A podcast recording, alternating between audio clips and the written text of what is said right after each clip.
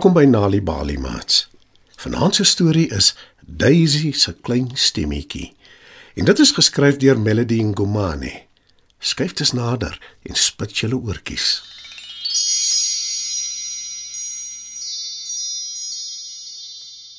Dis Woensdag aand en Daisy se mamma kom na werk by die huis met 'n pragtige verjaarsdagkoek. Dis vir Daisy se verjaarsdagpartytjie die Saterdag. Daisy kan haar oë nie glo nie. Dis 'n sjokoladekoek, haar gunsteling. Haar mond water en al wat sy wil doen is om 'n stuk van die koek te eet, sommer nou dadelik. Mm, heerlik. Sê Daisy. Daisy, moenie van die koek eet nie, dis vir Saterdag se partytjie. Ek moes dit vandag kry want ek's te besig die res van die week.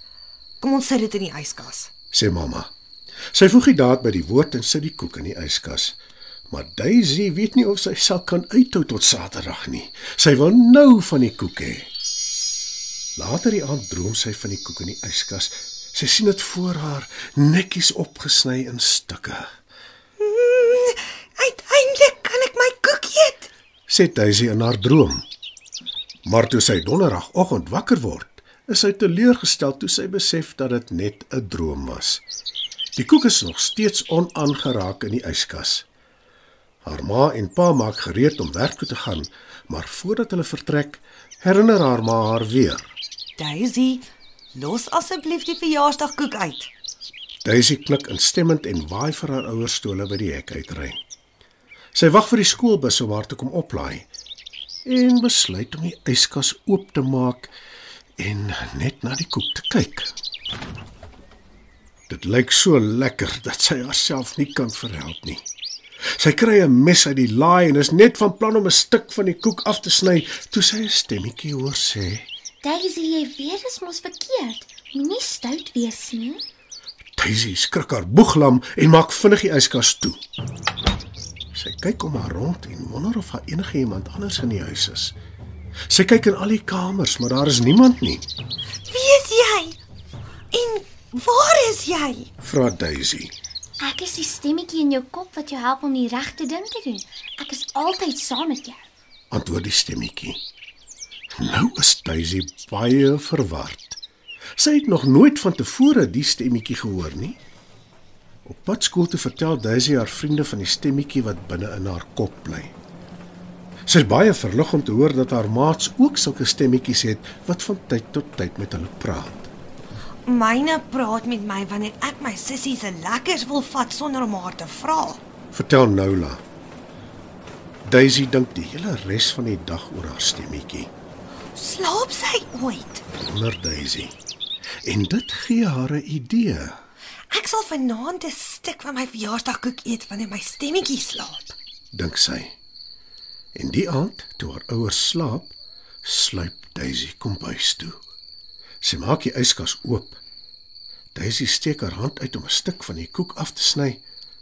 Maar toe hoor sy skielik 'n parmantige stemmetjie wat roep: Daisy, nee, jy weet jy mag nie. Maar jy is veronderstel om te slaap. sê Daisy bangerig.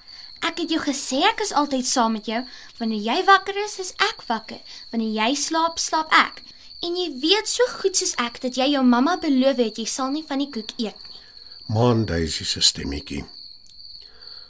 Daisy klim terug in haar bed en sy probeer hard om nie aan die koek in die yskas te dink nie, want sy wil graag haar belofte hou. Sy moet nog net die volgende dag, Vrydag, uithou. Wees geluk, liewe Daisy, omdat jy verjaar. En toe, uiteindelik is dit Saterdag. Daisy word wakker toe haar ouers vir haar sing. Die sitkamer is versier met persballonne en papierlinte. Daisy het 'n splinternuwe pers rok om aan te trek. Om die waarheid te sê, alles is pers. Daisy se gunsteling kleur. Sommer gou is al haar maats daar en hulle speel en geniet hulle self. Daisy geniet haar partytjie terdee, maar sy kan steeds nie ophou dink aan haar verjaardagkoek nie. Uiteindelik bring Daisy se ma die koek na die verjaarsdagtafel toe. Almal klap hande en sing vir Daisy. Toe sny mamma die koek En Daisy kry die eerste sny. O, oh, dit smaak selfs lekkerder as wat sy haar voorgestel het, Mm, heerlik. sê Daisy en glimlag van oor tot oor. Haar gesig is vol koekkrummels, maar dit pla haar nie in die minste nie. Alwaarin Daisy belangstel is om uiteindelik die koek te eet waarna sy al 'n paar dae lank uitsien. Partykeer moet mens wag vir iets wat jy graag wil hê. Want dis wanneer jy dit selfs meer geniet as wat jy gedink het jy sou. sê mamma. Sy is baie trots op Daisy omdat sy haar belofte gehou het en nie van die koek geëet het voor die partytjie nie. En Daisy se stemmetjie is ook trots op haar.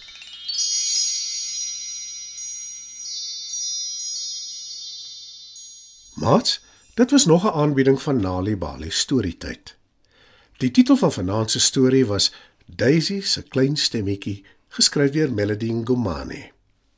Het jy geweet dat om tuis vir kinders stories voor te lees en te vertel, hulle kan help om beter te doen op skool?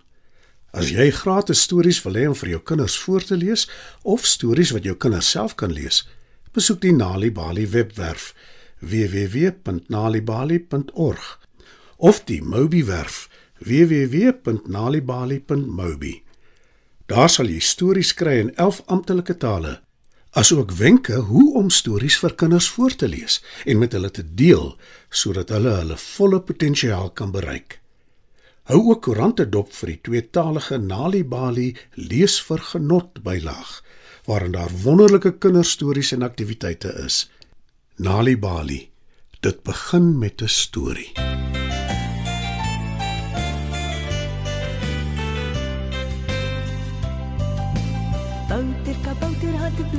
Kasteel waar die duwe roep en die apies speel.